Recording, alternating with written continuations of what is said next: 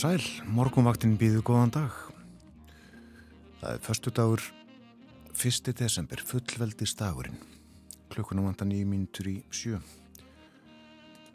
Björn Þór og Eirún sest í sætin sín með kaffi, allt með höfbundum hætti hér á morgunvaktinni þennan morgunin. Við hugum að veðrinu og uh, sjáum að hittastíð á landinu er svona öðru koru megin við frostmarkið sínist uh, tveggjastega frost verða það mesta sem að mældist með ströndinni þar að segja á lálendi klukkan 6 í morgun og uh, tveggjastega hiti mesti hitin en uh, einmitt við frostmark í Reykjavík klukkan 6 heiðskýrt norðustan 3 metrar. Kvassara í uppsveitum borgarfjörðar norðustan 9 á mælinum í Stafáldsei og einstigs frost. Hitti við frostmark í Stekisólmi heiðskýrt norðustan 6 fór í 14 metra í mestu kviðu. Tveggjastega frost á Patræksfyrði og einstigs frost í Bólungavík hitti við frostmark á Hólmavík norðan 6 þar. Einstigs frost á Blönduósi hitti við frostmark á Söðunisvita og einstigs frost á Akureyri léttskíjað nánast logn, sveipa viður á Húsavík einstigs frost, einstigs híti eins vegar á Rauvarhöfn, norðan 5. Hitti við frostmark á Skeltingstöðum og einstigs frost á Eilstöðum, tveggjastega híti á Höfni Hortnafyrði og uh, norðan 12 metrar. Við höfum ekki upplýsingar frá kvískerum en það er einstigs híti á Kirkjubæðaklaustri. Hitti við frostmark á Stórhauða í Vestmanægjum, hægur vindur þar tveggjastega frost í Árnesi og uh, nefnum líka að uh, það meldist nýjustega frost á hverjaföllum klukkan 6 í morgun. Já, uh, svona byrjar þessi dagur í veðufastlegu tiliti en er hún horfurnar? Hvernig eru þær? Það verður norðlag átt, finn til 13 metrar á sekund og jél norðan og austalands en annars bjart með köplum, hægara og úrkomi minna setnipartin.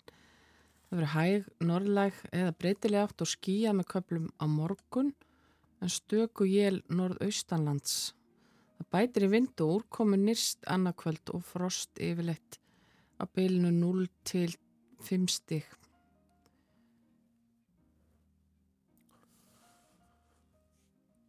Hugum þá að eh, ástandinu á vegum landsins, víða hálka en eh, snjóðfekja er á vegum uh, svo að segja frá varmarlýð og austur að djúbháiði sínist okkur.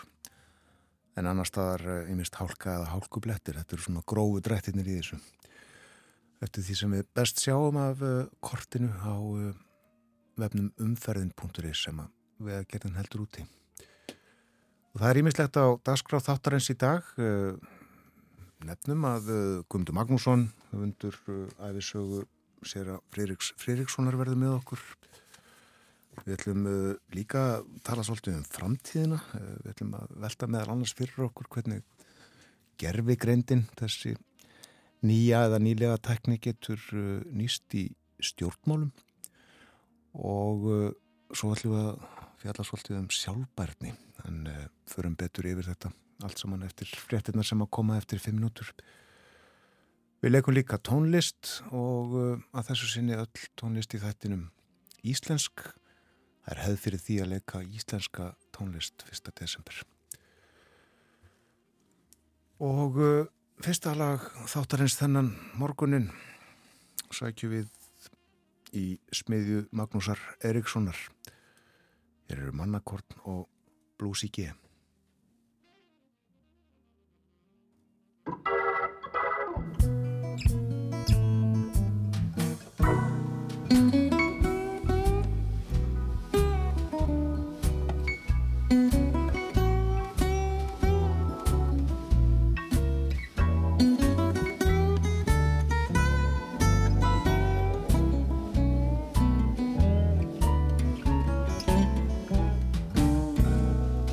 breytast morgun á fætur ég fer höfuðið á mér þundis og gler. Ég þrái að fá þig sjá þig sofa eina nótti á þér. Já hvað var ég að gera? Hvað fekk ég að vera? Í okkunri borg svo fjarið þér fá því, sjá því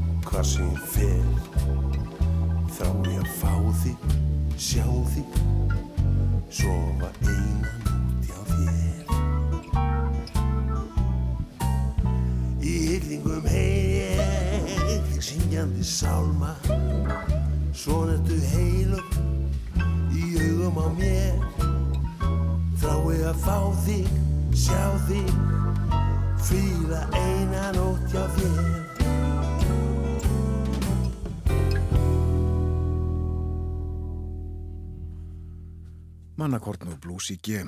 Þarna sungið um ástand manns á mánudagsmorni. Við höfum ekki ágjur að því í dag. Það er förstu dagur, förstu dagurinn 1. desember. Fullveldistagurinn í dag og svo helgin framöndan. Og eh, fyrsti sunnudagur í aðvendu eh, á sunnudaginn næstkomandi. Fórum yfir veðurhorfur dagsins hér áðan og þær eru heilt yfir bara alveg hreint ágættar og uh, rétt að nefna líka að uh, það verðist alltaf að verða það sem kallað er uh, all góð norðurljósa virkni, all mikil reyndar. Þannig að vonandi dansaðu fyrir okkur í kvöld. Frettir eru framöndan frettir frá frettastofu Ríkisútarsins kom á slæðinu sjö eftir rétt rúma mínútu. Björn Þóru Eirún fara yfir dagskrá morgunvaktarinnar að frettunum loknum. Svo lítum við blöð og gerum ímislegt fleira. Góðan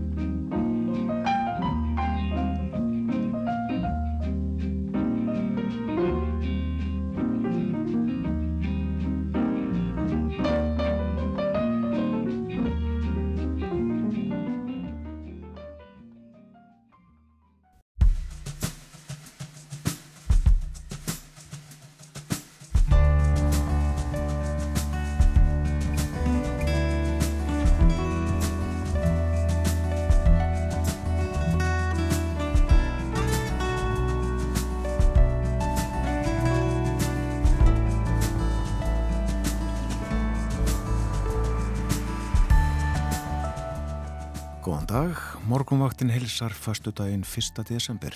Umsjónamenn þáttarins eru Björn Þór Sigbjörnsson og Eirun Magnúsdóttir.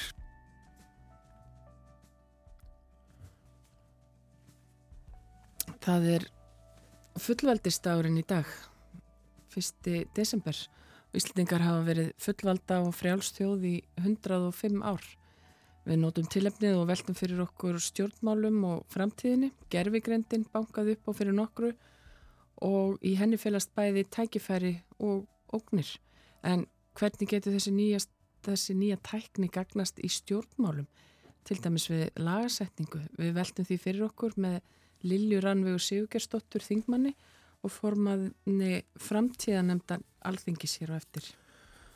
Við fjöllum um sér að Fridrik í þættinum í dag. Rúmur mánuður er síðan bók Guðmundar Magnússonar um æskuliðs leðtúan kom út og hefur skiljanlega mikið verið fjallað um kynferðislegar neyðir hans. Við nefnum þau mál en ætlum þó fyrst og fremst að tala um annaf um æsku Fridriks og uppvöxt og leið hans til menta um áhuga lúterska pressins á katholsku og uh, líka fund þeirra páans í Róm. Guðmundur Magnússon verður hjá okkur klukkan hálf átta. Svo ætlum við að tala um sjálfbærni.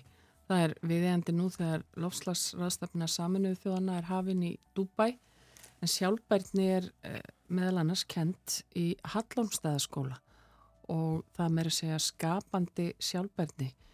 Við forvittnust um þetta nám en nú er stemt að því að færa námið á háskólastig. Við ræðum við Bryndísi Fjónu Ford, skólamestara Hallóstaðaskóla eftir fréttir klukkan 8.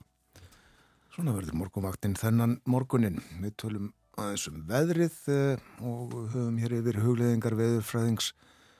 Það er víðáttu mikil og öflug hæð yfir Grænlandi sem stýrir veðrinu þessa dagana. En hún beinir hinga svölum norðan og norðaustan áttum. Jél víða á norður og austurlandi en lengst af bjartviðri fyrir sunnan og vestan og það eru líkur á að lægðadrag myndist við suðuströndina á sunnundarsmórni þá gæti snjóaðum tíma á suðurlandi jafnvel við faksaflóa setnipartin og uh, frostið þetta 0 til 5 stig sumstaðar þó frostlaust út við sjáasíðuna og ef við uh, skrunum hérna inn inn í daginn á uh, spákorti viðstúðunar þá sjáum við að það verður mjög víða bjart í dag.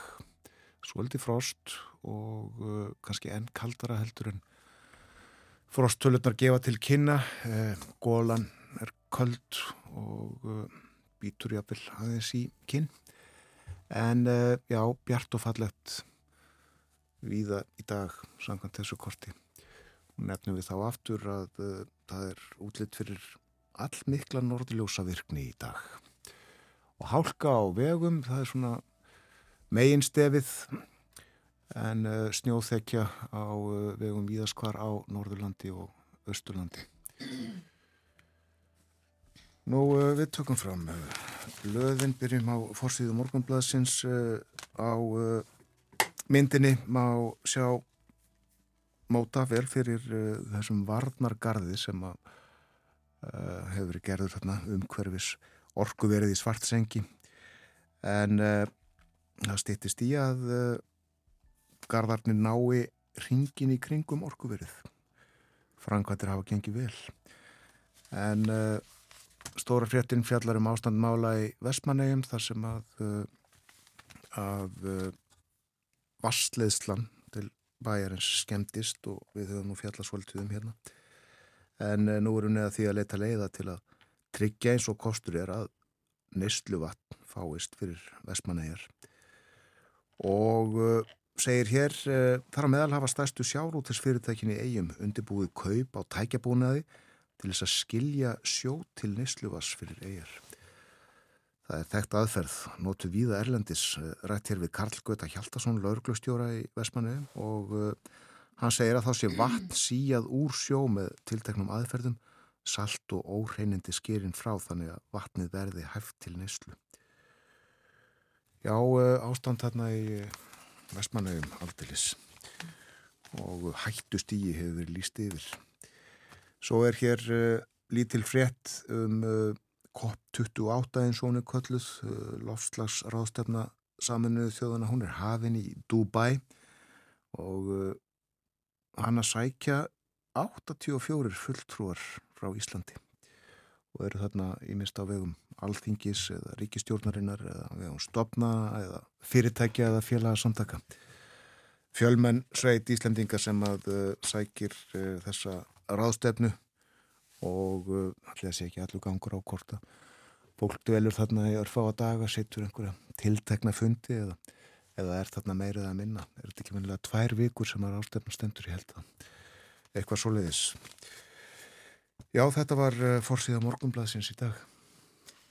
Í heimildinni er fjallaðum þöggla enga væðingu að tala hérna um að, að Viljum Þór uh, að tala um Viljum Þór heilbrísaðra þöggla enga væðingu Viljum Þórs á heilbrískerfinu og hér segir í úttækt heimildarinnar að enga væðingi heilbrískerfinu hafi verið stór aukinn á síðustu árum í gegnum sjúkaratryggingar Íslands og tilstandi að ganga lengra í þeim efnum sangat heilbrísaðra og í miðri þessari eh, umræðu sé enga rekna heilbreyðisfyrirtækið klínikin. En fórstjóri landsbyttalans, þarna vitnaði fórstjóri landsbyttalans, Runor Pálsson, hann hefur áhyggjur af áhrifunum á ríkisreikin sjúkrahús og bendir á skort á eftirliti með þessum rekstri. Um, og þetta er heilmikil úttaktir, farið yfir það hverjir eru hlutafar í klínikinni og, og uh, veld vengum yfir, yfir þessu öllu saman en þetta, þetta snýst um þessar svo kallu liðskipta aðgerðir en það var tekin ákvarðan um að skömmu eftir að nýr fórstjóri Sigur Helgi Helgason, fórstjóri sjúkartrygginga tók við þá var tekin ákvörðunum að útvista 700 liðskipta aðgerðum til enga aðla með kostnað þáttöku Íslenska ríkisins í fyrsta skipti í Íslandsögunni og þetta er ráðstöfun upp á 750 miljónur króna frá ríkinu. Þannig að það er miklir peningar í spilinu og hér er stór úttekt um þessi mál í heimildinni. það er líka rætt við flugfröyu sem er, sem er fyrirverandi flugfröya hjá Æslandir og, og það er hafa það eru nokkrar einhver hópur flugfröya sem hefur verið gaggrinn á Æslandir fyrir að hafa ekki tekið á veikindum sem að er verið fyrir í flugi, hafa ekki tekið á segja félagið ekki hafa tekið á því með viðegandi hætti og rannsókna þessum veikindum sem að hefur gert sumar þessara hvenna óvinnufærar hefur dreist á langin og er ekki í forgangi hjá rannsóknar nefnd sem á að hafa með þetta að gera. Og það eru þetta fjallaðum gasa bæði heimildinu og, og fleiri meilum en það verist vera sem vopna hljesi úti sem stóð hvað, fjóra daga? Þrjá daga, eitthvað svo leys Mikið þá að þessa sögunni, já, fullveldistagurinn í dag, það var 1. desember 1918 sem að sambandslaga samningur Íslands og Danmerkur gekk í gildi og Ísland var þá frjálst og fullvalda ríki og íslenski fánin var greiðin að hún í fyrsta sinn sem fullgildur þjóðfáni 1. desember 1918 og dagurinn í dag opimber fánadagur, þeir eru held í 12 opimberu fánadagarnir. En uh, þennan sama dag uh, var Vísindafélag Íslandinga stopnað. Langaði að vita að uh, gamni hvernig fullveldi steginum að fagna fyrir hundra árum þegar fimm ár voru liðin frá því að uh, við fengum fullveldi. Það var sagt frá því í morgunblæðinu og það voru stúdendar sem að engum fögnuðu þessu og uh, sagði hátíðahöld stúdenta í tilefni að fimmara ámali fullveldi sinns fóru hitt besta fram var uh, nokkur snjógangur um það bil er hátíðahöldin hófust en þrátt fyrir það var mikill fjöldi fólks komin saman við Östurvöll og voru þar stúdentar í fylkingu og ennfermur skátar og væringar Professor Guðmundur Fembóasson flutti af sölum Alþingishúsins ræðu. Lúrasveit leik bæði á undan og eftir. Þá var Íslendingabók opnuð og skráðu margir þar nöpp sín, engum mentamenn eldri og yngri. Og klukkan 5 var skemmtunhaldin í Nýjabíui var eh, príðilega til hennar vandað, saði í frett morgunblaðsins, en það höfðu allir aðgöngumiðar selst upp á þremur stundar fjórðungum. Var hver skemmtiliðurinn öðrum betri, stúdenda söngsveitin og söngstjóri hennar, professor Sveinbjörn Sveinbjörnsson, fekk innilegustu viðtökur og var það endur taka margt af lögunum og tvísöngur Símonar Þórðarssonar og Óskars Norðmanns var hinn besti. Þá flutti Einar Benediktsson snjált kvæði og mikið rópuðu menn húrra, rópuðu húrra húrra fyrir þjóðskáldinu og loknum lestrinum. Og svo var að lokum dansleikur mjög fjölmennur haldin í yðnú, stóðan langt fram á nótt og skemmtu menn sér hitt besta. Fullveldi stagurinn fyrir 100 árum, 1. desember 1923.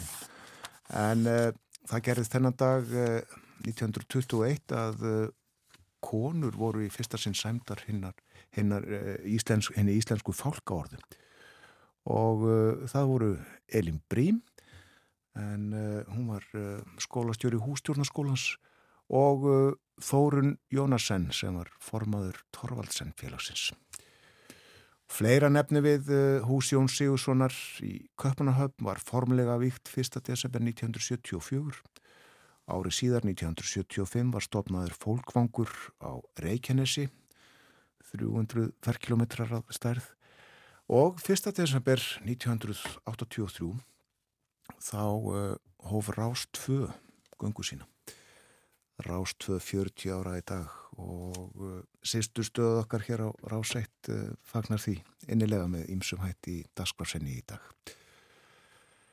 En uh, Eirún, við þurfum að tala eins um uh, handbólta. Fyrstileikur eh, stelpnana okkar á hensmestramótinu tapæðist. Já, það er alveg leikur á morgun. Þá eittum við kappu við frakka klukkan 5 á morgun. Það var Ísland-Frakland í dýriðli þessar, þessar stormóts og það er engin smá anstæðingur en okkar okkar konur, það eru þetta geta alveg staðið í frökkum eins og hvaða liði sem er. Já, það gerði Angola í ger en þær fransku höfðu þó betur. Og uh, Ísland og Angola eigast svo við á mánudaginn.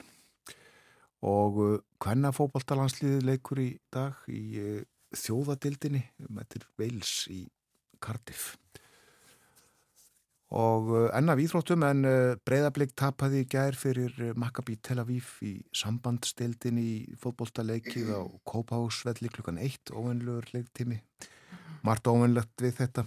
Þetta var næst síðasti leikur liðsins í riðlakefni sambandstildarinnir sá síðasti lokaleikurinn er gegn liði frá Úkrænu og verður leikin á útífelli um meðan desembermánuð.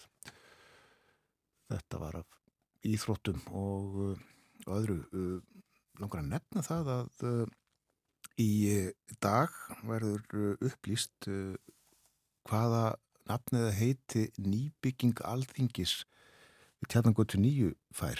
Það var enn til samkeppni opin öllum og úrslitinn sum sé kunngjörð klukkan tvö í dag. Já, hvað mun hinn nýja bygging alþingis heita? Það kemur í ljós á eftir. Það var tónlist og eins og við nefndum fyrir morgun þá er hefð fyrir því að leika íslenska tónlist í Ríkisútvarpinu 1. desember og uh, lagið sem við heyrum næst er uh, eftir Jónas Jónasson. Hefum uh, leikið að sungið í ymsum útsetningum svona í gegnum árin hér en hlustu nú hvernig Stórsveit Reykjavíkur fer með Hagavagnin.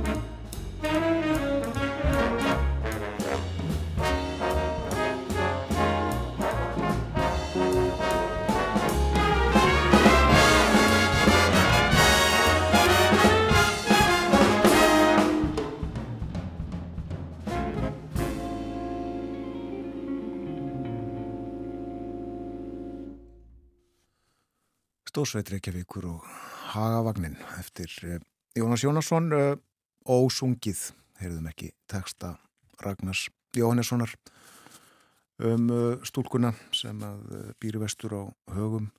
En þetta næri högunum er Vasmírin og um hana orti Tómas Guðmundsson Sigfús Halldórsson samtilag sem Kristjana Stefansdóttir syngur fyrir okkur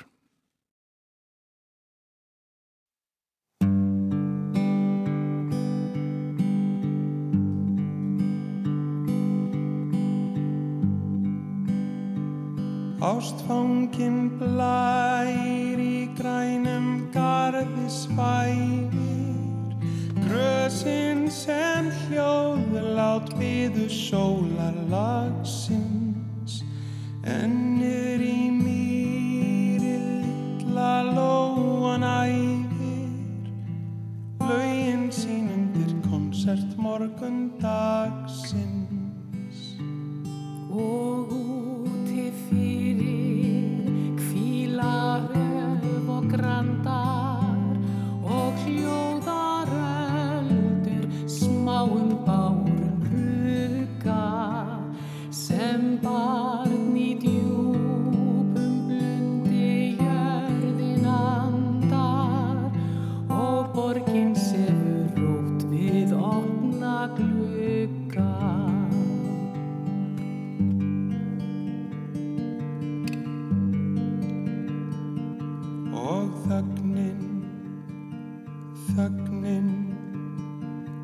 kvíslar hálfum orðum. Hugurinn minnist söng sem löngu er dáinn og sál mín, sál mín svona komu forðum. Sumurinn öll sem horfin er í bláin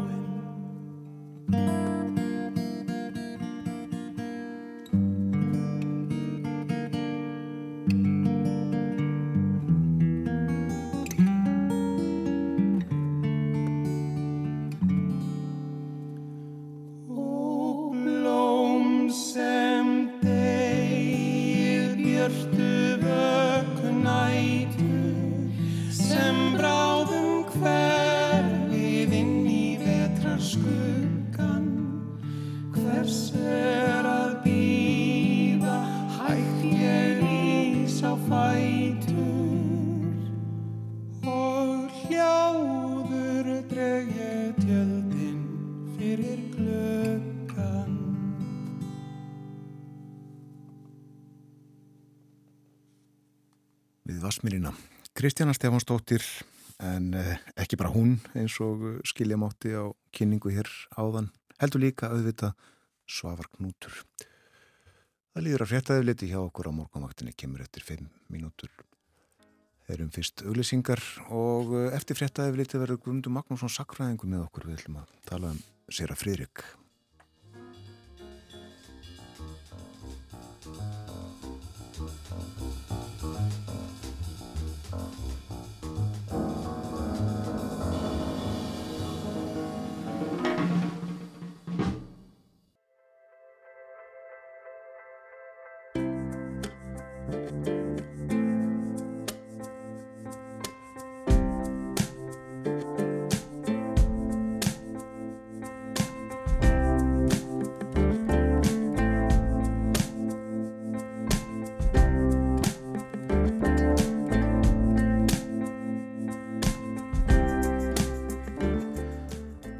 Aftur, þetta er morgunvaktin á Rás 1.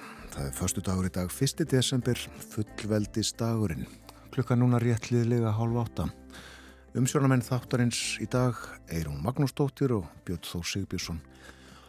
Það verður norðlæg átt á landinu í dag, vindræðin þetta 5-13 metrar á sekundu, jél, norðan og austalands. En bjart með köplum annar staðar. Og uh, búið svo við að uh, vindurum verður hægari setnipartin og uh, þá á líka að hafa dreigið úr úrkomunni og uh, frost að fimm stigum á landinu í dag. Á morgun hæg norrlegaða breytileg átt skíjað með köplum, stöku jél þá norðaustalands og þó, svo bætir í vind og úrkomu nýrst á landinu annað kvöld. Það er ímislegt framöndan hér hjá okkur á morgunvaktinni. Við ætlum að tala svolítið um sjálfbærni eftir eh, fréttinar klukkan átta og uh, svo ætlum við að tala um uh, stjórnmál uh, og gerfigreind en segjum betur frá þessu öllu saman á eftir.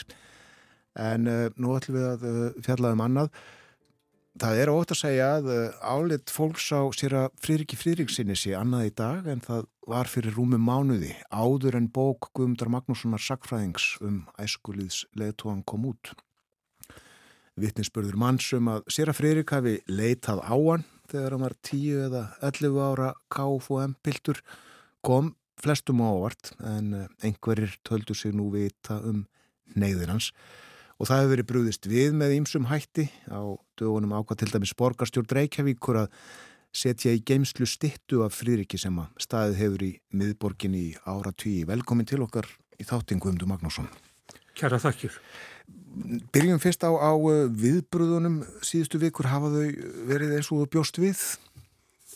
Nei, ég get ekki alls sagt að ég hef búist við svona miklum viðbröðum og uh, eins og raun ber vittni sko en ég átti að þetta vona því að, að um, það um, kæmi fram einhver sjónamið uh, af því tægi sem að, sem að hérna hafa komið fram sko en, en, en þessi miklu og, og, og viðbröð það, það komið mér nokkuð óvart sko. En uh, ertu sammála því að uh, fjallega stittuna? Já, ég, sko, ég, ég hef nú uh, forðast að blanda mér í umræður um það málefni að því að hérna, ég er uh, sakfræðingur að skrifa sakfræðilega æfisögu, uh, síðan hef ég lagt það í, í, í hendur uh, lesenda sko, að, að álíkta uh, um það sem dreyið er fram í bókinni en ég hef ekki vilja vera að, að blanda mér í umræður Nei. svona öðru leiti sko, um, um undatekningum þó sko. Já, en hefur fylst með þeim? Já, já, ég hef fylgst með þeim og, og uh, það hefur undrað mér svo litið sko hvað margir hafa látið orð falla um, um bókin og höfundin án þess að hafa kynnt sér efnið. En það er gamla saga sko, þeir segja mest af Ólæfi Kongi sem hvorki hafa heyrt hann í séð. Og það hafa fallið alls konar orði í, í, á samfélagsmiðlum sérstaklega sem uh, komið mér á óvart sko. En, en það er frá fólki sem að Eh, hefur ekki lesið bókina og ekki kynnt sem málið því miður sko mjög mikið af því allavega. Já, en uh, auðvitað fjölmarkir líka uh, skrifað og, og uh, talað sem lesið hafa bókina? Já, svo hafa byrst nokkrar umsagninu um bókina sem ég er mjög sáttur við og hérna og get ekki annað bara fagna því hver, hver þær eru allar á eina lund sko og hérna og það gleður mér mjög. Já. Við ætlum nú ekki að dvelja við þessi mál hér og nú. Það hefur auðvitað verið talsvert um þetta fjalla og verður áfram sjálfsagt. Við ætlum að gera öðrum hlýðum sér að friðri skil og það er nú að nægu að taka. Kanski einmitt fyrst örfá orð um séra friðrik, guðmundur, séra forsketi, það svona hefur fest misjaflega við presta en ég held sveimi þá að ég hef aldrei heyrt friðrik friðrik svo nefndan án þess að séra sé undan. Já, Ég, ég þekki nú ekki alveg sko hvernig, hvernig hérna þessi mál uh, hafa þróast en, en það hefur nú lengi verið siður að nefna uh, vigða presta ekki, uh, ekki öðruvís en síra og þetta er gammalt í málunum, síra eða síra. En hérna en í bókin er hann auðvitað ekki nefndu síra fyrir hann kemur að því að hann tekur vikslu árið 1900 en, en þetta er svona hefur fest við marga kennumenn Freirik fættist 1868 norður í landi. Eh, segðu okkur svolítið frá hugum hans og hans fólki, eh, hans fólks svona svo að við áttum Já, okkur aðeins á, á, á hvaða umhverfið hann kom. Æfið hans var óvenju laung, sérstaklega á þessum tíma, hann er 93 ára gamal og þjóðfélagi sem hann fæðist í, hann fæðist í Torbæ, er svo ger ólíkt okkar þjóðfélagi að það er mjög erfitt um allan samabörð og erfitt fyrir nútíma fólk að setja sig í, í, í þau spór og uh, hann er sonur, hann er allt þjóðfélagi var sveita þjóðfélag og bænda þjóðfélag, hann er sonur fátags fólks Fadurinn fegst við smíðar og móðurinn var húsreia og sá um rekstur heimilisins. Þetta var barnmart heimili en, börnin uh, lifðu ekki all, komist ekki all áfram eins og var algengt á 19. öld og, uh, og fátaktinn uh, svona leiti til þess að þau voru á uh, stöðum hrakningi á, á æsku árum Friðriks. Og svo gerist það þegar hann er æsku árum hans er að, að, að bergu árunum er að ljúka að fadir hans fellur frá. Og þá stendur móðurinn uppi með börnin og, og hann og, og hérna og í gamla þjóðfélaginu þá er ekkit annað uh, uh, sem blasir við, við við þær aðstæður en að leysa upp fjölskylduna því að einstæði móður getur ekki verið með stóran barnahóp og, og framflitt sér. Og þannig að þetta er gríðalegt áfall fyrir alla í fjölskyldunni. Og móður hans Guðrún Pálsdóttir hún uh, leggst í framald af þessu bara í rúmið og, er í rúminu segir Friðrik í áttar launga ár. En börn, börnunum er tvístrað á bæina og, og Friðrik þar á meðal hann, hann er eh, elst upp í fóstri næstu árin. Og uh, þetta þjóðfélag sem hann elst upp í er ekki bara svona fátakt og fábreytt það er líka mjög stjertskipt og uh, Fríðrik uh, sem alþýðumadur að hann uh, hefur sko möguleikar hans á einhverjum frama eða velgengni í lífinu eru mjög takmarkaður og þá má velta fyrir sér hva, hvernig stendur á því að, að það breytist. Og ég get sagt frá því að þið viljið sko, að hann sem sagt Eh, hann er snemma mjög áhuga samur um allan bóklestur og ég held að móður hans hafi haft mesta, átt mestan þátt í því. Fadir hans var frekar eh, áhuga lítill um slikt og, og, og, og um, fannst að sonurinn ætti nú frekar einbeita sér að verklegum störfum Og, og, eh, og það var kannski raunsætt mat í þessu gamla fátaka þjóðfélagi að, að, að strákur sem var bara upp á bókina, það er nú lítið úr honum eh, af því að hann er fátækur og ætti ekki kost á, á skólagöngu. Og, eh, en, en móðurinn heldur á húnum bókinni og, og hann les biblíuna bara uh, barnað aldri og, og stafan á milli, það er ótrúlegt að bjóða 6-7-8 ára komlu barni upp og slikt en, en hann hrýfsta þessu og þetta er eitt af því sem styrkir hans trúar vissu. Og, og svo einhvern veginn hann hérna hann verður mjög áhuga samur um allt bóklegt og, og, og, og menningu og les allstaðar allt sem hann eiginlega kemst höndum yfir sko. Og þar sem hann er í fóstri að þar fær hann lánaðar bækur, hann les íslettingasögurnar og konungasögur, hann les ljóð og hann les goðafræði Gríkja og Rómverja. Þannig að þetta mótar hann til allra framtíðar, þessi þessi bókmenning sem hann kynnist. Og það í þessi verk öll kemst hann á þessum bæjum sem hann býr á?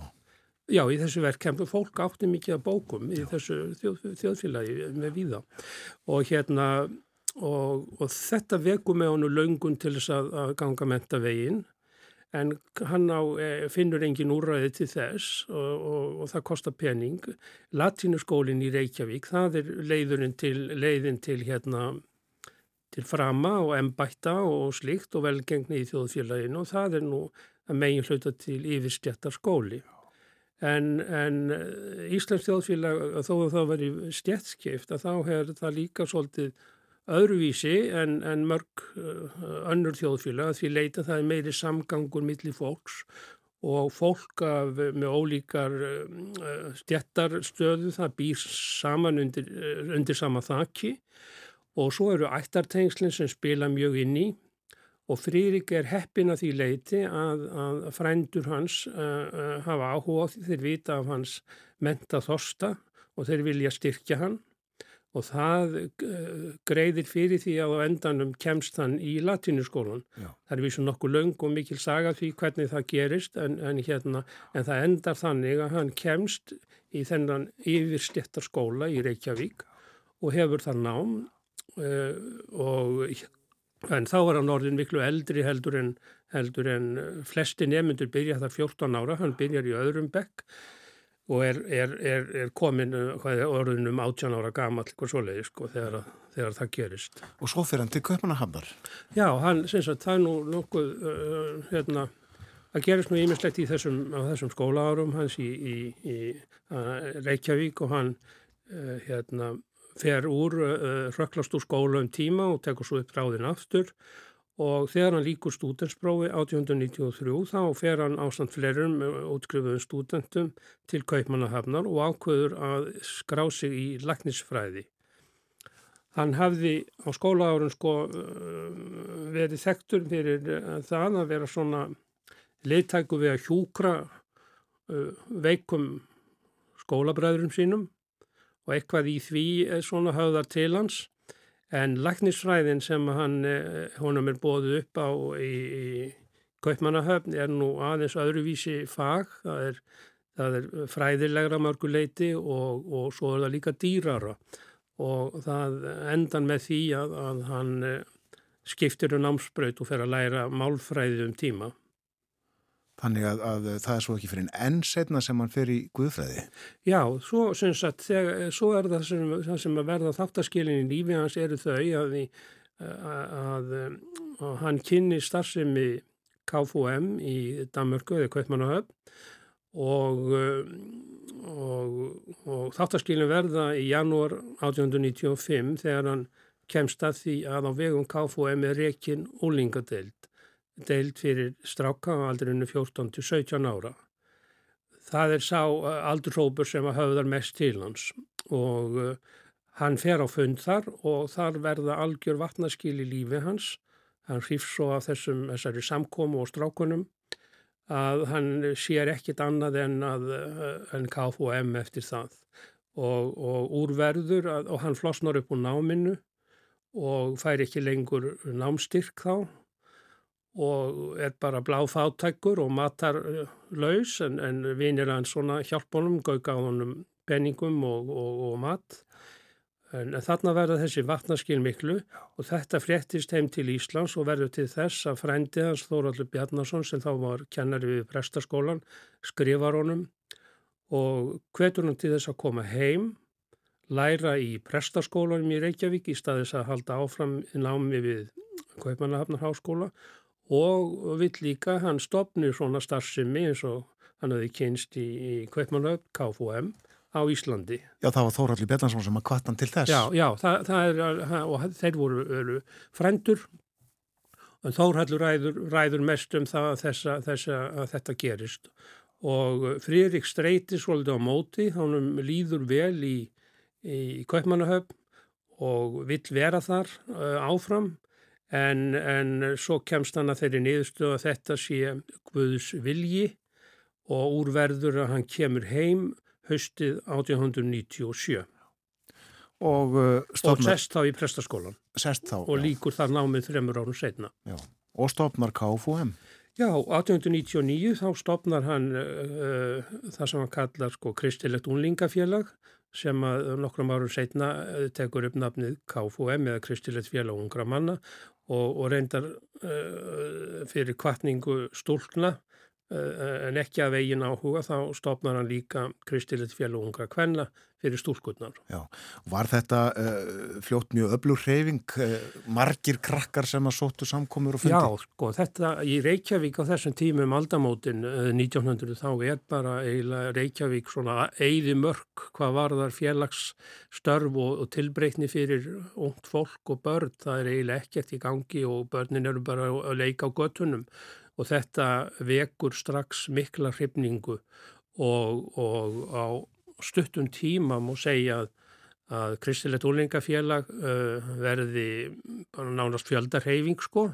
og fréttist um land allt og, og strákar utan á landi, skrifuna bref og, og vilja fá að vera í félaginu og vilja fá fjela til sín, það er nú örðuleikum böndið, en, en kristilegt uh, félag ungra manna verður sem sagt mjög mjög hérna uh, mjög fljótt upplugt félag þar sem að, að margir sækjast eftir að vera í.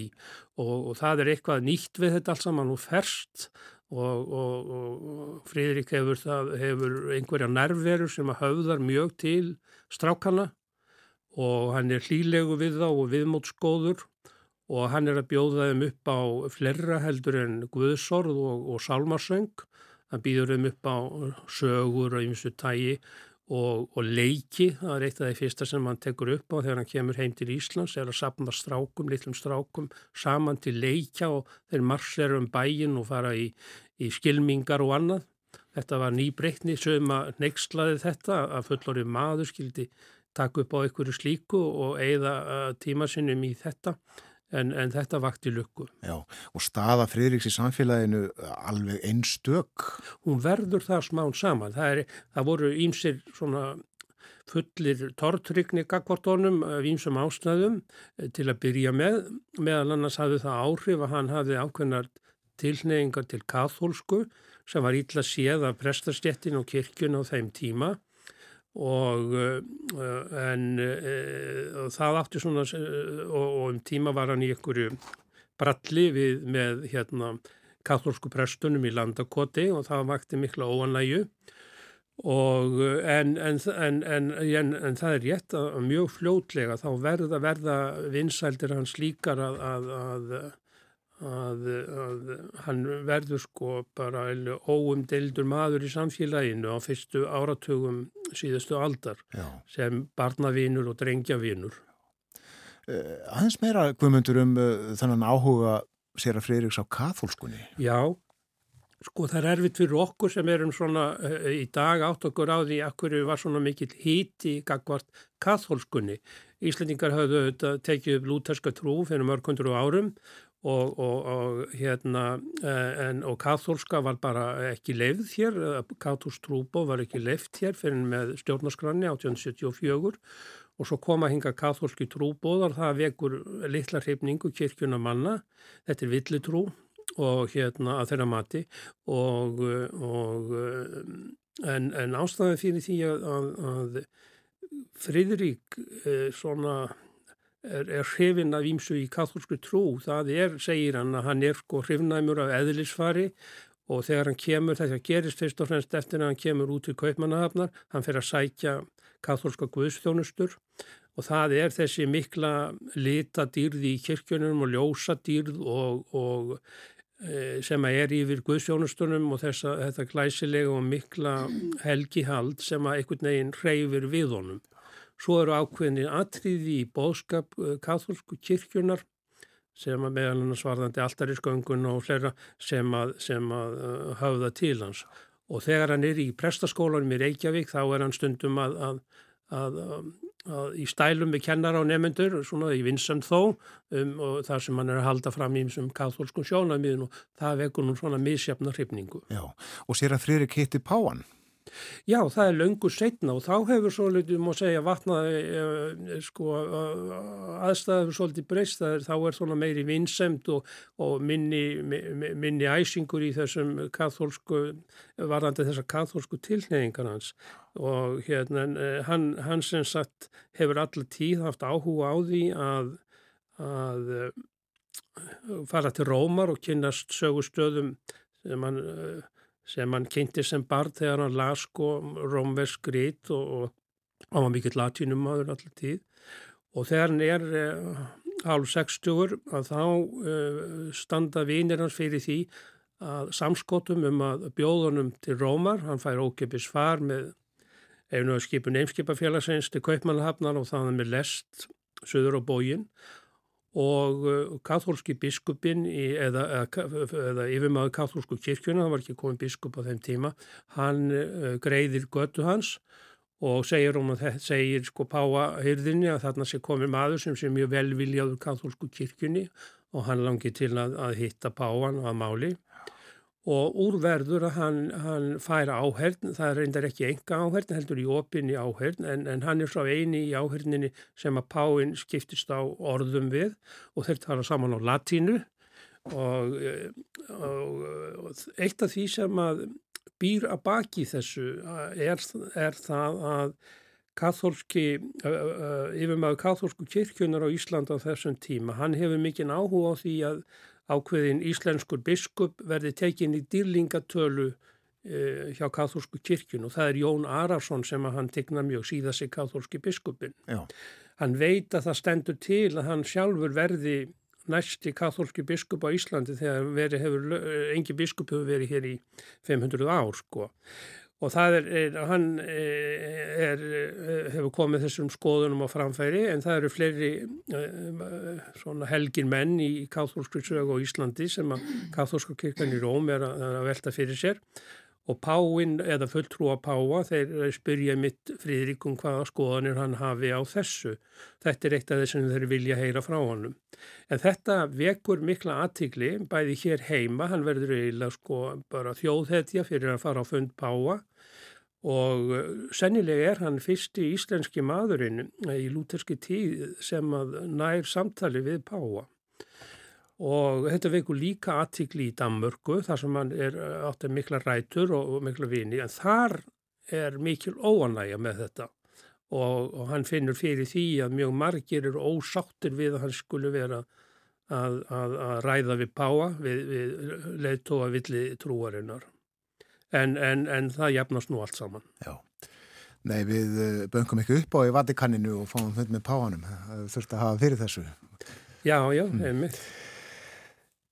Við segjum þetta gott. Uh, þakkaði kellaði fyrir að vera hér á morgunvaktinni Guðmundur Magnússon og uh, tala svolítið um uh, Sýra Frýrik Sýra Frýrik og drengina hans Saga Æskulíðs leittóga Það líður að fréttum hjá okkur á morgunvaktinni það er komað eins og alltaf á slæginu átta og nefnum við að eftir fréttir þá ætlum við að tala um eins og við nefndum fyrir morgun sjálfbærni og ekki bara sjálfbærni heldur skapandi sjálfbærni. Við tengjum þetta svolítið lofslagsráðstöfninu sem að hófst í Dubai í gær og uh, svo verður hér uh, undirlokk þáttar uh, Lilja Rannveig Sigurgeistóttir alþingismæður, hún er formaður framtíðanemndar alþingis sem að, já, það veldir fyrir sér framtíðinni möguleikum hennar möguleikunum á að nota nýjustu tækni sem er jú gerfigreindin, hvernig getur hún nýst í stjórnmálum? Við veltum því meðal annars fyrir okkur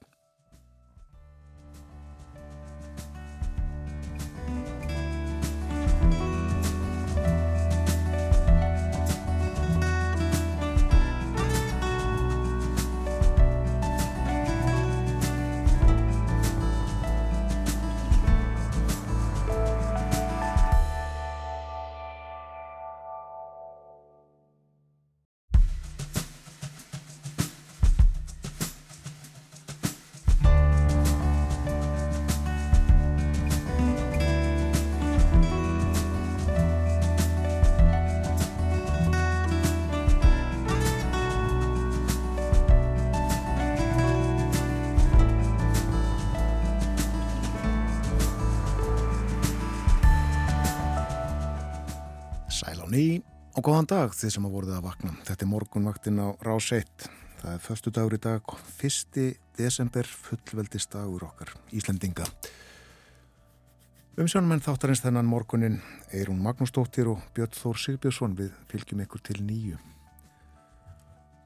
Nefnum að uh, hér áðan var Guðmundur Magnússon sakfræðingur með okkur, uh, höfundur bókarinnar um Sýra Fridrik, Sýra Fridrik og drengiðin hans heitir bókin Saga æskulíðsleitoa við spjöllunnsvoltíðum Fridrik engum um uh, æsku hans. Fætist inn í blá fátæka fjölskyldu en uh, bröstilmenta og læriði ímislegt, prófaði ímislegt eins og uh, menn gera. Og uh, laugs og námi frá prestaskólanum á Íslandi. Þjónaði nú ekki mikið sem prestur, var við eh, afleysingar eitthvað á Akranes ef ég mann rétt og, og eh, var líka prestur á Holtzveikra spítalunum en uh, starfaði yngum að æskulíðs málum eins og þekkt er. Nú ég uh, minni á og nefni að uh, hér á eftir verður Lilja Rannveig Sigurgestóttir alþingismadur og formaður framtíðanemndar alþingisgestur okkar. Við ætlum að tala um stjórnmál og framtíðina meira en um það á eftir en uh, nú komið öðru, allt öðru. Já, dögunum skrifiðu Hallormstaðaskóli, Háskóli Íslands og Háskóla Eðnaðar og Nýsköpunar ráðherra undir viljæfylýsingu um að skólarnir tveir hefði formlegar viðræður um samvinnu um nám í skapandi sjálfbærtni á háskólastígi.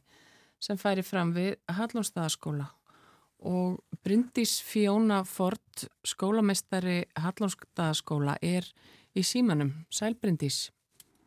Ég sæl og góðan daginn. Góðan daginn. Þú ert stödd á eigilstöðum. Það er líka bent við að spyrja hvernig er veðrið núna fyrir austan? Það er mjög stilt og fallegt og aðeins að kingja niður snjó þannig að það byrstir vel yfir það er svona kvílt yfir öllum þannig að, að það er það er hérna svona fallegt vetra veður sem það getur best óska sér. Já. En þú eh, skrifaður undir þessa vilja yfirlýsingu nú í vikunni um samstarfið Háskóla Íslands og uh, ráðunetti Háskóla Yðnaðar og Nýsköpunar um að uh, hefja einhvers konar formlegar viðræður um nám í sjálfbærni við Hallóstaðaskóla að það verði gert að námi á háskólastíi. Getur þú sagt okkur kannski fyrst aðeins frá aðdragandanum að þessu? Já, við eh, byrjum svona óformlegt samtal og eh, námið hjá okkur í dag á, í Hallóstaðaskóla er á svo fjórða hæfnibreytti sem er stík sem ekki margir þekkja til og kannski líka á ekki, er ekki svona, á, á sér ekki kannski svona talsmálta í, í atvinnulífinu eða kjærasamningum. Þannig að taka þetta skref að Háskóli Íslands muni sjá til þess að námi verði á háskóla stíi og nefnundur Hallónstæðaskóla geta fengið háskóla einingar er bara ómyndalegt. En einnig að þetta er gríðalega stórst skref fyrir bara Östurland því að þetta er það vísir að fyrsta staðbundna háskóla námi á Östurlandi. Það er staðnámi hér þannig að e, það er bara stórst skref að geta bóðið nefnundum bæði Háskóli Íslands og, og þeim sem að hérna bara af öllu Íslandi sem hafa áhuga að koma á Östurland og vera í námi í skapandi sjálfbarni. Og þetta er nám sem er nú þegar til staðar við skólan og tekur eitt ár, ekki satt. E, kemur námi sjálf til með að breytast eitthvað eða er svona verið að, er það að þróa það þá í samstarfi við háskólan eða eitthvað slúðis? Stefnan er ekki að breyta náminu því að þau Háskóli Íslands Það er það sem þau sjá hjá okkur er aðstafan og námið og þetta, þessi samsetning sem við höfum verið að bjóða upp á. Þau vilja halda í, í það. Þannig að við erum ekki að fara að umbreyta náminu. Engungur er verið að finna leið til þess að, að eh, forma námið þannig að það passi innan kervis háskólasamfélagsins. Það er að segja að, að það, námi getur verið metið sem háskóla einingar. Mm. Þannig að líka núna er frumvart frá áslögu örnu, ráð þeirra, háskóla yfirnar og nýskupunar til alþingis um svo kallar örnum. Það er spennand að sjá hvernig, hvernig það þróast. Örnum er þá stutt stittra nám og við höfum verið að bjóða mitt upp á mikið af svona opnum vinnustofum hjá okkur og við vonumst til að þetta örnám sem er þá háskóla stík gæti ég að bli fallið að því líka hjá okkur.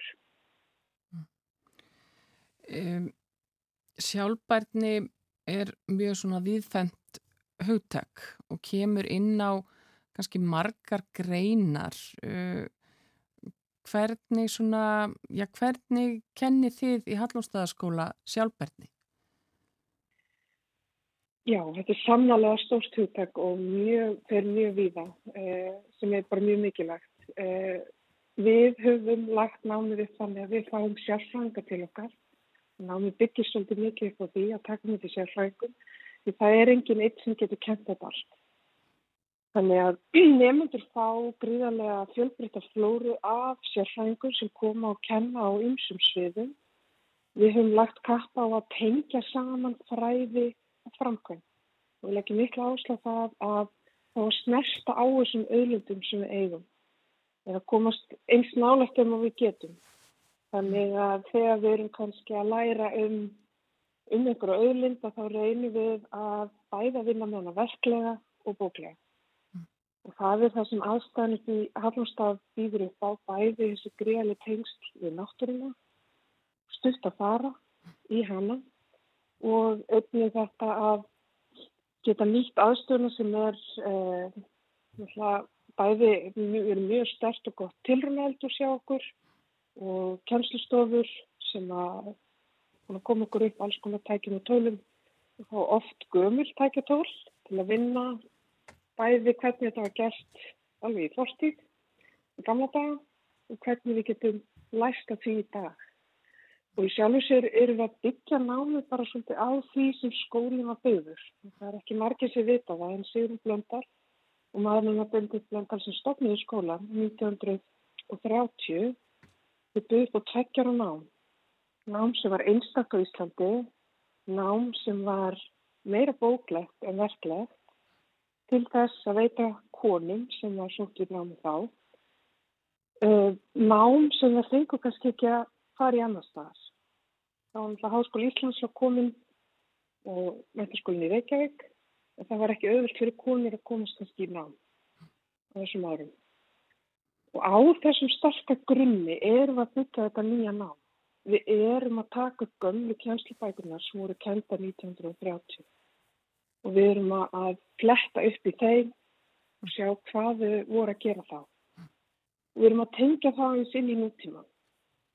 Þannig að við tiplum á mörgu og allt frá, frá orkumálum, stórumálunum í heiminum í dag í einfallega að læra að gera Íslands skýr frá grunni.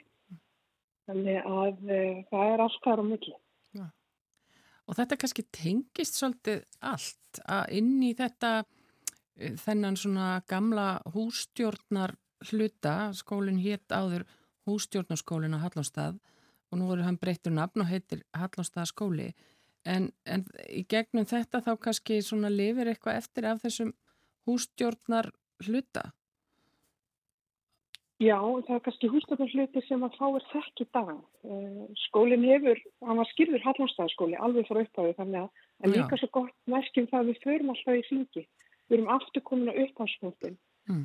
og uh, í húsmaðuranáminu gamla, þegar þetta hétt húsmaðuranám, þá, þá var kent sög eins og matar efnafræði og kent sög eins og bara bókværsla og orku útreikningar því þau viskiðu bæjalækin til að skaffa sér sjálf rama á staðnum.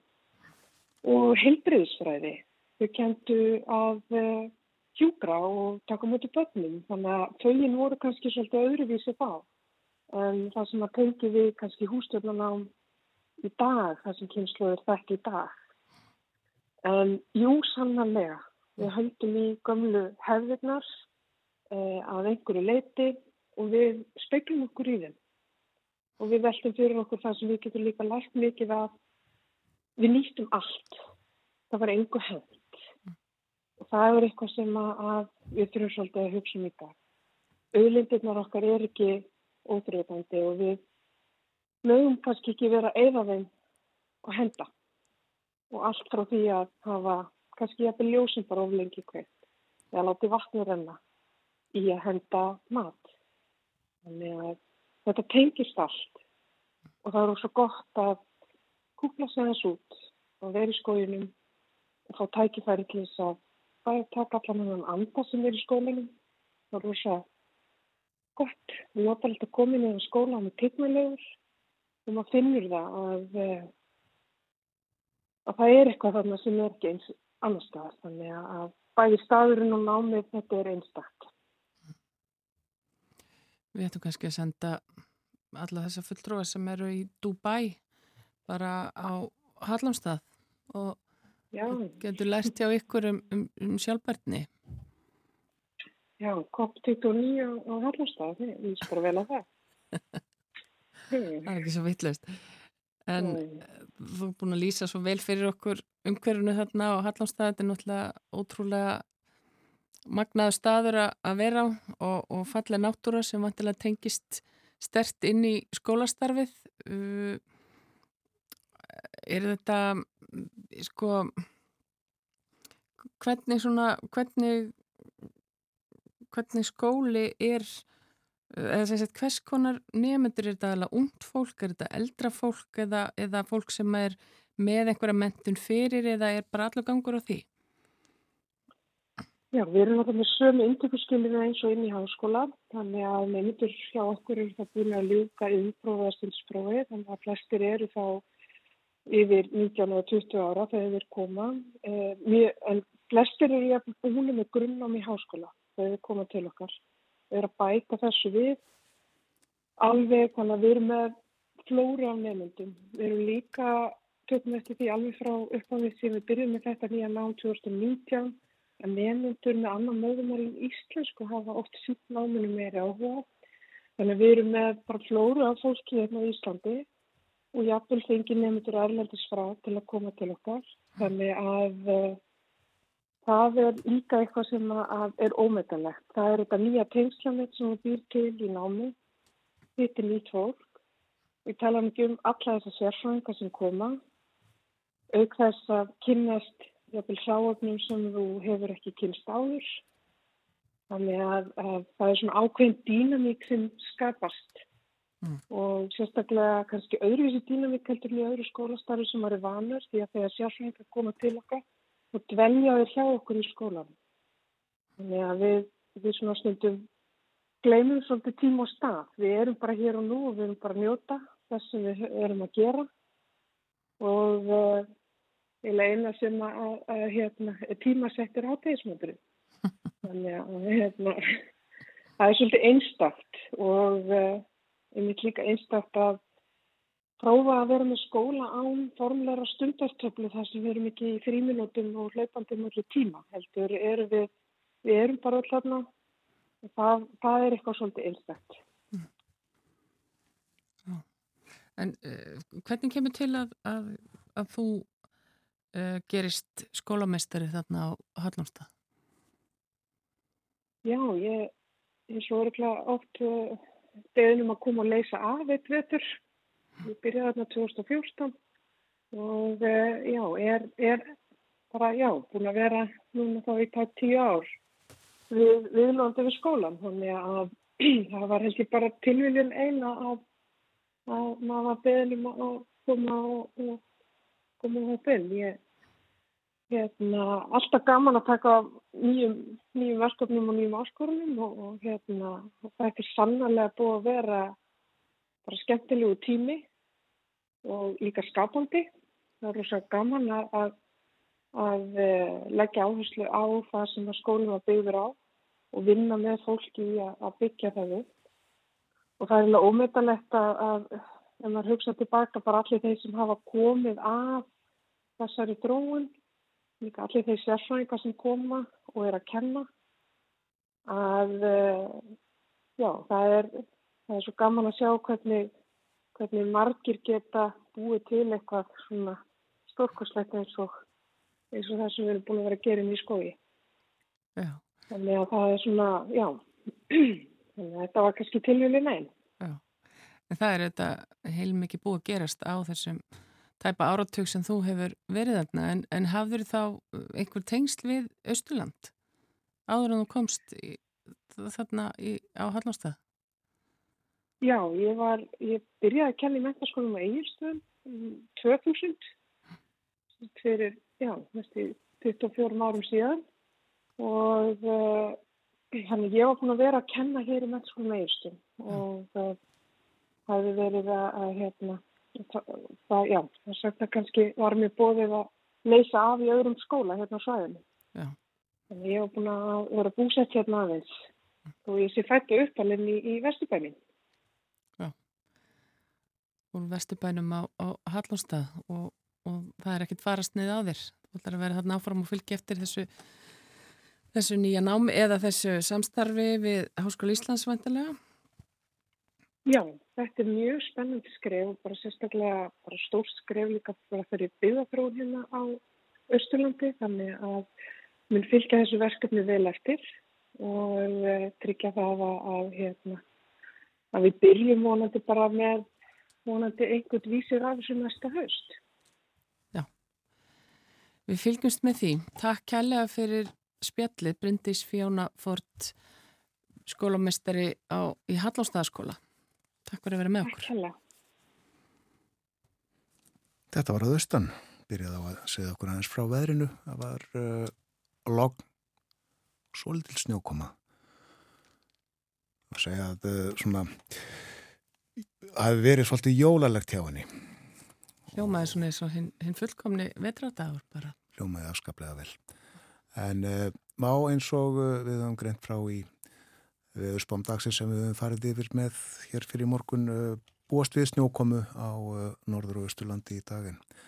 Annars það verður bjart, bjart að mestu allavega. En uh, það stendur ímislegt til í dag uh, í tengslum við uh, fullveldið.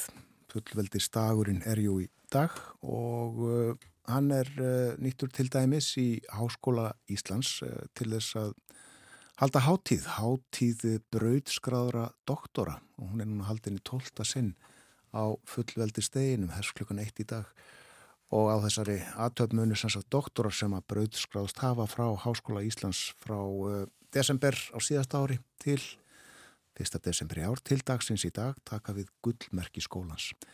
En uh, í háskólanum uh, klukkan 11, milli 11 og 12 uh, verður messa í kapellu háskólans í aðalbyggingunni og það eru guðfræðinemar við guðfræði og trúabræðafræði til háskólan sem að bjóða til hennar og annars til söng, bænir og predikun.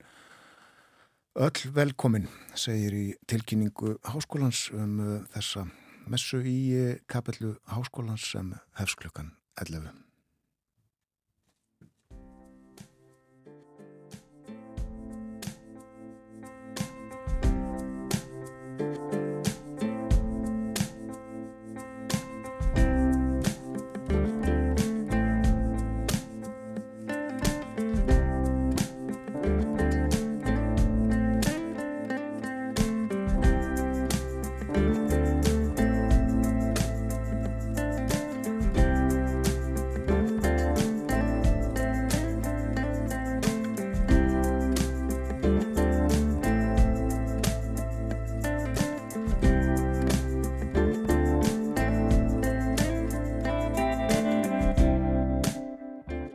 Klukkan er alveg að verða hálf nýju. Þetta er morgunvaktin á Rás 1. Eftir réttaðuflitið verður með okkur Lilja Rannveig Sigurgestóttir Alþingismadur. Hún er formaður framtíðanemdar Alþingis. Við ætlum að tala við hana um uh, stjórnmálinn og uh, framtíðina. Hvað gerir framtíðanemd þingsins? Og uh, hvernig sér Lilja Rannveig stjórnmálinn fyrir sér nýta sér gerfigreindina? Við spjöllum um þetta á eftir.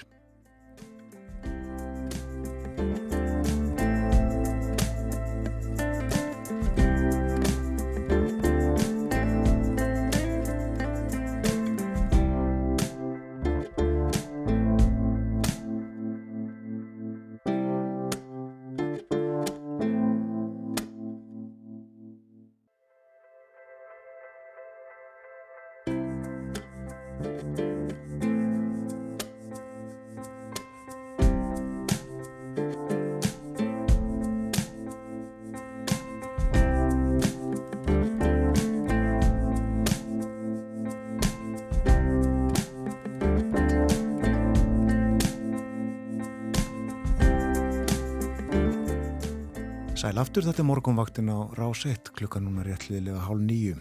Það er förstu dagur í dag, 1. desember, fullveldi stagurinn og uh, það er uh, aldrei stef í aðsendum greinum í morgunblæðinu í dag. Saman á fullveldi stegi er uh, yfirskrift greinar sem Katrín Jakobsdóttir fósættisráð þeirra skrifar og út úr henni dreyið Ísland er vissulega ekki fullkomið frekar en nokkurt annað samfélag en þegar reynir á finnum við að samfélag okkar býr yfir ótrúlegum styrk. Lilja Dökk Alfreðsdóttir ráð þeirra skrifa líka fullveldi sagan og framtíð hennar á íslensku. Hér skrifa líka Viljómi Bjarnason fyrirverandi þingmaður fullveldi og fullveldis afsal og að lokum Hildur Sveristóttir þingmaður sjálfstæðisflokksins fullvalda farsæl þjóð. Nóum fullveldið í bili. En hér hjá okkur situr einmitt þingmaður, Lilja Rannveig Sigurstóttir, hún er formaður framtíðanemdar Alþingis, velkomin. Takk fyrir. Uh, gerfigreind er komin á fullt en við veitum ekki kannski alltaf hvernig við erum að koma fram við þessa tækni en eða gera við hana en í dag klokkan tíu er málstofa og við um framtíðanemdar alþingis þar sem er ætlun að fjalla um gerfigreind og líðræði uh, kannski byrja á þessu framtíðanemd, þú formaður framtíðanemdar, hvað er það? Þetta er nýnemd Þetta er ekki fastanemnd eins og þessar klassísku nemndir í þinginu en þetta var á síðasta kjörtímubili undir fósettisraðunitinu. Og þá voru nokkri þingmenn sem myndu þessa nemnd og það var ákveð að hún færi núna til þingsins og það er þannig að það er framtíðanemnd í finniska þinginu og hefur verið í 30 ár.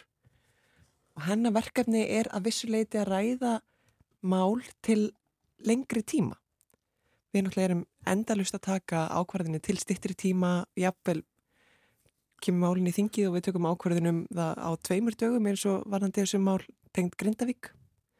En í þessu þá erum við meira að vinna með sviðsmyndagreiningar og fara að skoða alla hliðar á málunum. Og í þessu þá horfum við svolítið til þess að taka þver pólitíska stefnu. Vegna þess að þegar við erum að ræða framtíðina þá eðlilega það er engi rétt svör, það getur allt gerst. Þannig að finnskanemdin hefur gert mjög margar skýslur og mjög gott dæmi sem þau uh, gerðu það er að þau gerðu skýslu um Rúsland sem nágrana. Það sem að þau sérstætt voru búin að ræða það, margir þingmenn voru búin að taka fyrir í nokkur ár inn nefndinni hjá sér, bara hvað getur gerst. Mm. Þetta er ótrúlega margir vinklar og þetta er eðla tekið fyrir á hérna, öryggis uh, hjá hérna, ráþurum og en það er sjálfdan sem þetta kemur inn til þingsins þannig að þetta var tekið fyrir þar og við erum búin að vera að skoða hjá okkur við gerðum, erum að vinna í skýslu um hvernig teknibreitingar geta haft áhrif á lofslagsbreytingar hjá okkur og hvort að sérst, ef að við tökum engar ákvarðanir en restina heiminum fyrr að taka fullt ákvarðanum varðandi lofslagið og teknibreitingar hvernig stendur við og öfugt og við erum sérsagt búin að vera í svona vinnu og við ákvaðum að fara að ræða mjög mikið gerfigreind inni hjá okkur vegna þess að það er ekki áformu lagasetning inni hjá okkur. Það er mikið rætt um þetta í öðrum þjóðingum vegna að við veitum fyrir víst að gerfigreindin mun hafa gríðarleg áhrif á okkar dagljóðu störf og mun einfalda mjög margt en svo getum við hort á ymsa hliðar á gerfigreindinni og þurfum við að bræðast við því. Þannig að málstofan eftir hún er í rauninni til þess að leggja grunninn að næsta ári, við okkur langar til þess að halda frá næsta ári og taka uh, aðra vingla á gerfugreitinni og ræða við sérfræðingar, fá sérfræðingarna til okkar og útskýra eins og í dag, þá munum við ræða það bara hvað nákvæmlega fælst í þessu. Þegar margir verðast halda að gerfugrindin sé komið miklu lengra en hún er komin, trista á hana og eh, ég, mér finnst þetta bara mjög spennandi. Þið eftir að fjalla um þetta en þú sjálf hefur líklega einhverjar hugmyndir um þetta. Uh, ég maður þú skrifaði grein um uh, stjórnmál og gerðugreind eða, eða þingin og gerðugreindina. Byrtist í morgunblæðinu september eða mann rétt, -huh. þá mhm. varstu nýkomin af miklu þingi í Úrugvæ. Já. Sko hvað sér þú fyrir þeirra gerist? Sko umræðin á þessu þingi, þetta var heimsting framtíðanemnda þjóðþinga. Þetta var bara annað þingi vegna þess að það eru ekki mörglönd komið þetta, það er verið að fjölga og það uh, fjölga í mörgum löndum. Og við vorum beðin um að hérna, taka þátt þarna í pallborði þar sem að ég rætti þennan vingil og þá er það þannig að það var aðal þemafundarins var gerfigreind á þjóðþingum og margir þingmenn voru að ræða það að nota gerfigreindina til að búa til ræður fyrir sig til dæmis. Það er hægt að nota þetta fyrir ímislegt. Við getum til og með sett allar umsagnir sem hafa komið fyrir ákveði mál inn í gerfugreind, inn í tjattgpt og beðum að draga saman. Aftur á móti þegar við erum komið með það að fara að byggja uh, ákveðin forritum að búa til ræði fyrir okkur, þá er gögnin sem eru til á netinu varðandi ímsa hluti, eins og til og með skonur, eru almennt neikvæð á netinu massin á netinu er neikvæður í gard hvenna eða ímsa minnlutópa. Þannig að líkunar á því að þú fáir ræðu sem að er hlutræk er mjög mikil, án, mögulega án þess að þú áttir þig á því. Hefur þú prófað þetta? Já.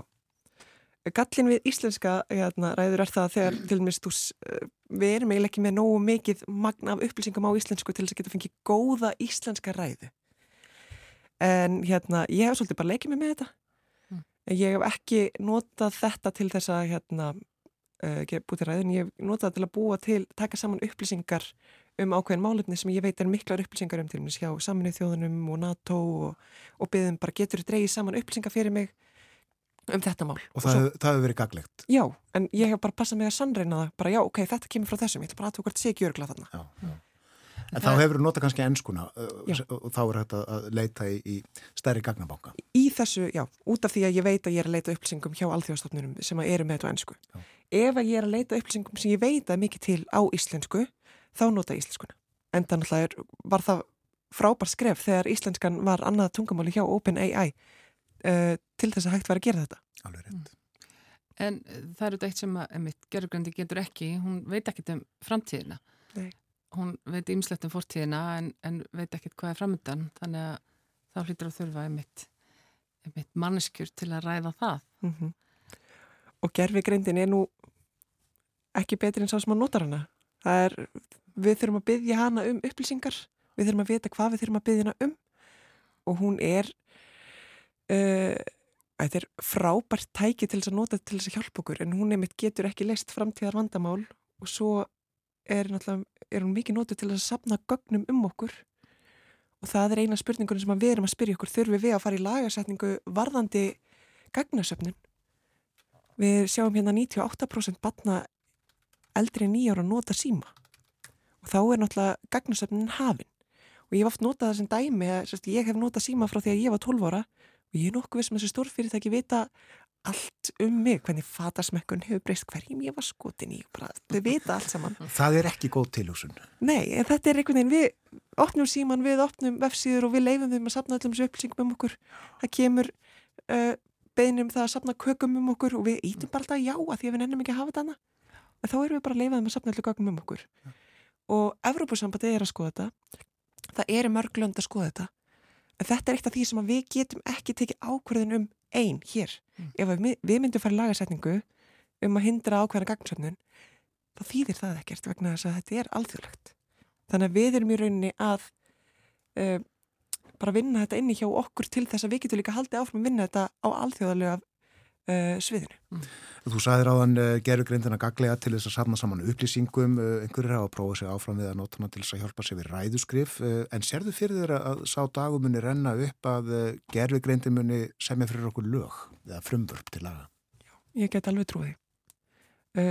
Oft náttúrulega erum við með ákveðin lög sem eru bara endutekning. Það þarf bara að vera búið til lagabálk og hérna, það þarf að vinna grunn og gerfugrindi getur verið mjög góð í því að taka saman bara nú ætlum við að búið til lög, þau eru svipuð þessum lögum, getur unnið þau, fyrir okkur og bætt við uh, þessu, þessu og þessu uh, en sannreinda með þeim lagabálku sem hafa komið áður. Mm. Þetta er unni ákveðin handavinna sem að gæti farið í en við erum kannski ekki komin nægilega langt til að trestinni og hún er mögulega ekki komin nægilega langt uh, til þess að geta þetta uh, að því við, við erum ennþá þar við þurfum að fara í gegnum allt og skoða hvort sé rétt og ég myndi aldrei tristinni í dag til þess að koma inn með svona og vera alveg viss um það að sé ekkert vittlust En hvað er að gerast í svona, nú, nú var sett, það var mörgur stefna, það er til stefna Íslands um gerfigreind sem var uh, plagg sem var kynnt hérna fyrir tveimur og Mhm. hálfu ári cirka. E, uh, margt þar auðvitað orðið úrelt að því þetta gerist allt saman svo rætt. mm -hmm. En er, er ný stefna í bígerði það er verið að vinna að einhverjum af þeim málum sem að voru sett í þessari stefnu? Ég veit ekki til þess að sé ný stefna í bú- bígerð, ég held að sé bara ennþá verið að vinna eftir Mm. þessari og uh, við heyrum það að ráðherrarnir, þeir eru allir farnir að tala um þetta í sínum störfum, það er gerfigreind í skólastarfi, gerfigreind í heilbriðskerunum, uh, gerfigreind í menningunni. Við erum farin að sjá þetta á öllum sviðum hjá okkur. Mm. Þannig að hérna, uh, að vissu leiti þá eru við bara farin að ræða þetta mun meira líka að því að þau sem að voru að tala um gerfugreind fyrir tveimur, þreimur árum, það var enginn að spá í að þetta er svona stór partur okkar lífi. En við erum að sjá að þetta verður miklu, miklu stærra. Þannig að þetta er bara einn af þeim stefnum sem við þurfum að hafa núna hérna, alltaf á bakvið eirað og uppfæra mjög reglulega. En það er ég veit ekki til þess að sé verið að gera það á formulegan hátt núna en við þurfum bara að hafa þetta bak við eirað og hérna, vinna þessu í þinginu og ráðunautunum og allir stjórnsýslinni og bara átt okkur á því að þetta er náttúrulega frábært tæki til þess að aðstofa okkur en hún er ekki bara að vinna alla vinnina fyrir okkur og við getum ekki tristinu á allan hátt. Og, og hérna uh, en þetta er mjög spennandi. Við sjáum ekki alla gallana á henni strax vegna þess að það breytist svo rætt og við heyrum það ekki á sérfræðingunum að þeir sem þessu komið til okkar og voru að ræða þetta fyrir ári þeir eru komnið núna og segja já, þetta er bara allt annað frá því ég segði þetta síðast. Nú er þetta bara komið miklu lengra. Og það er stundum svolítið svona stressandi en líka mjög spennandi. Þetta er þetta bara uh, rýmar við svona aðra alltaf þegar kemur ný tækni við vitum ekki í upphafi hvernig hún kemur til með að nýtast okkur. Mm -hmm. við vissum ekkert þegar farsímandin komu hvernig við myndum nota við hefum ekki hugmyndum það. Já, eða internetið. Já, eða það.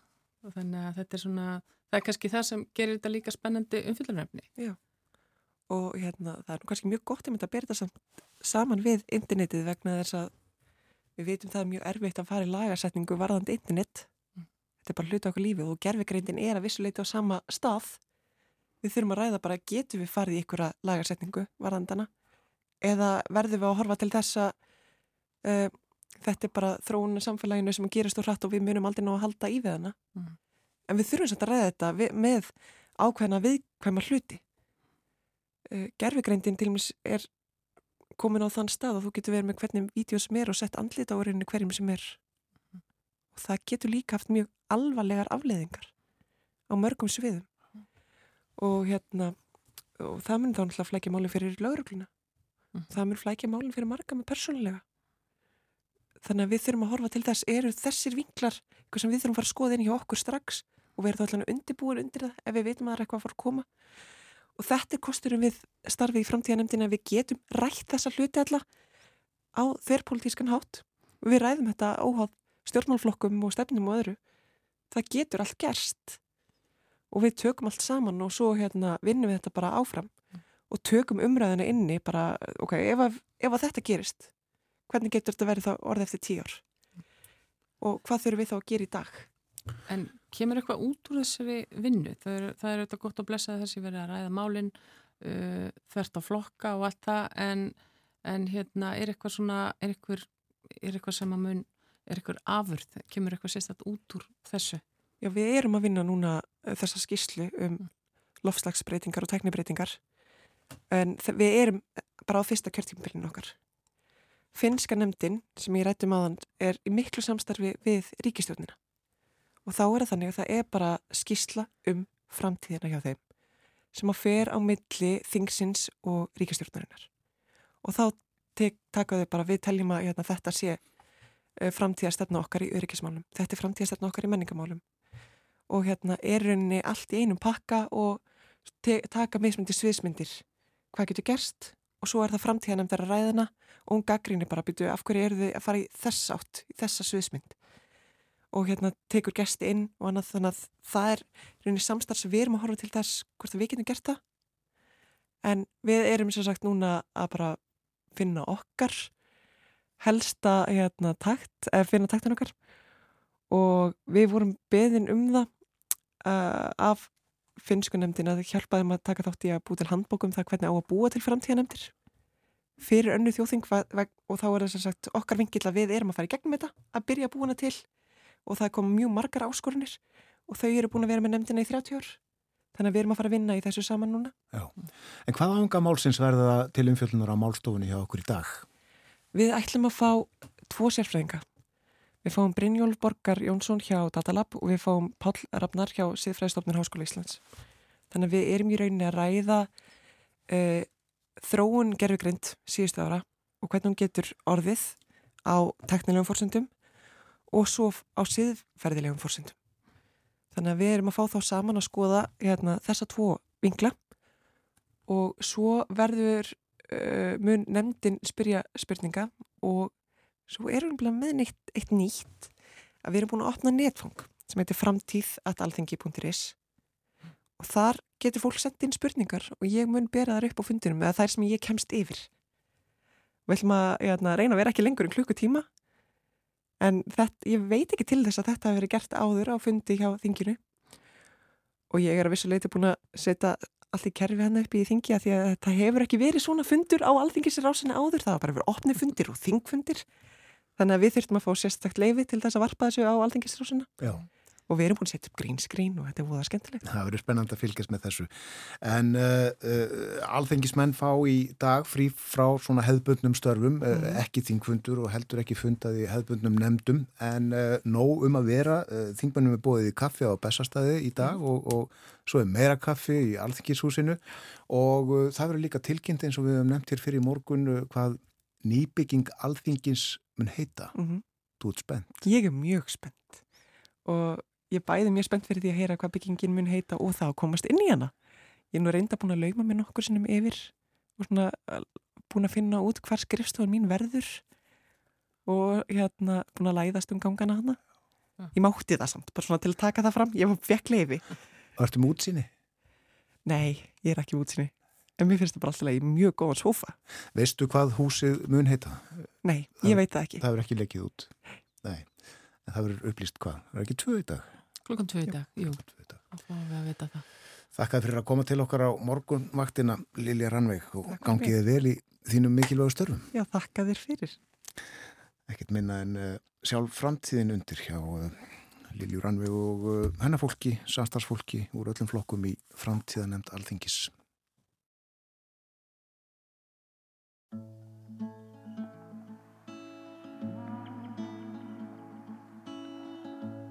All directions within. Thirty miles of catering, no sign of order.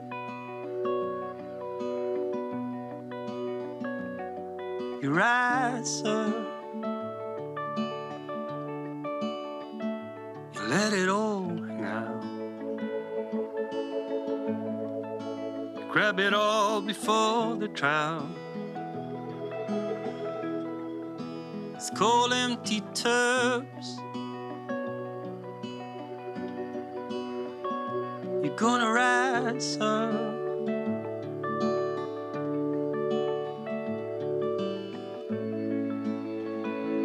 I play it well both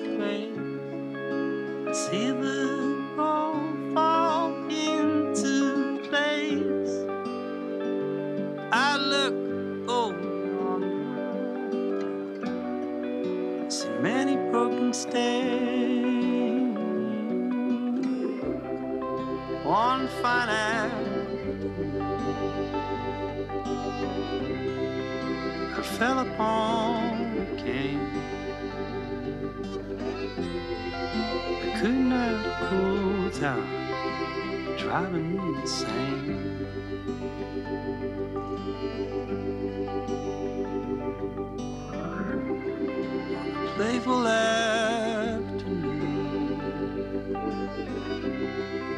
I heard it in the rain. Can't go on driving in the insane.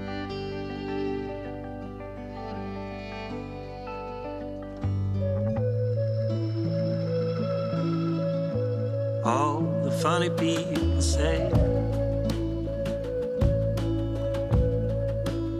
Good luck, shake the pain.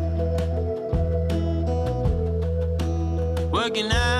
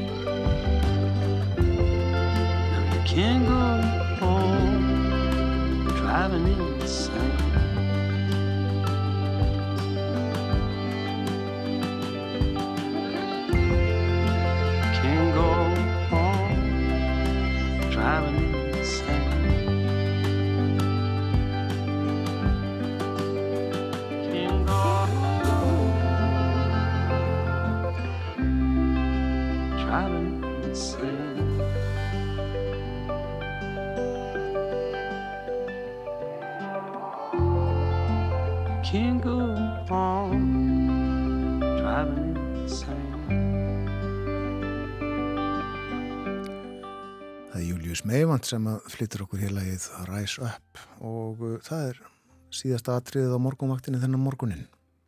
Já, við erum búin að vera hérna með ykkur fyrsta desember og fyrsti desember er um mitt dagur reikskinjarans og það er ágætt að nota það tækifæri til að hvetja fólk til að kanna hvort að reikskinjarinn vakir ekki ábyggilega yfir, yfir þér og þínu fólki vegna þess að reikskinjarar eiga jú að vera í öllum rýmum heimilisins og það er mjög mikilvægt að prófa líka reikskinjara þannig að það er ágætt, ágætt að nota daginn í það fyrsta desember til að fara og kanna hvort þeir gjörglega batteri í öllum reikskinjurum á heimilinu.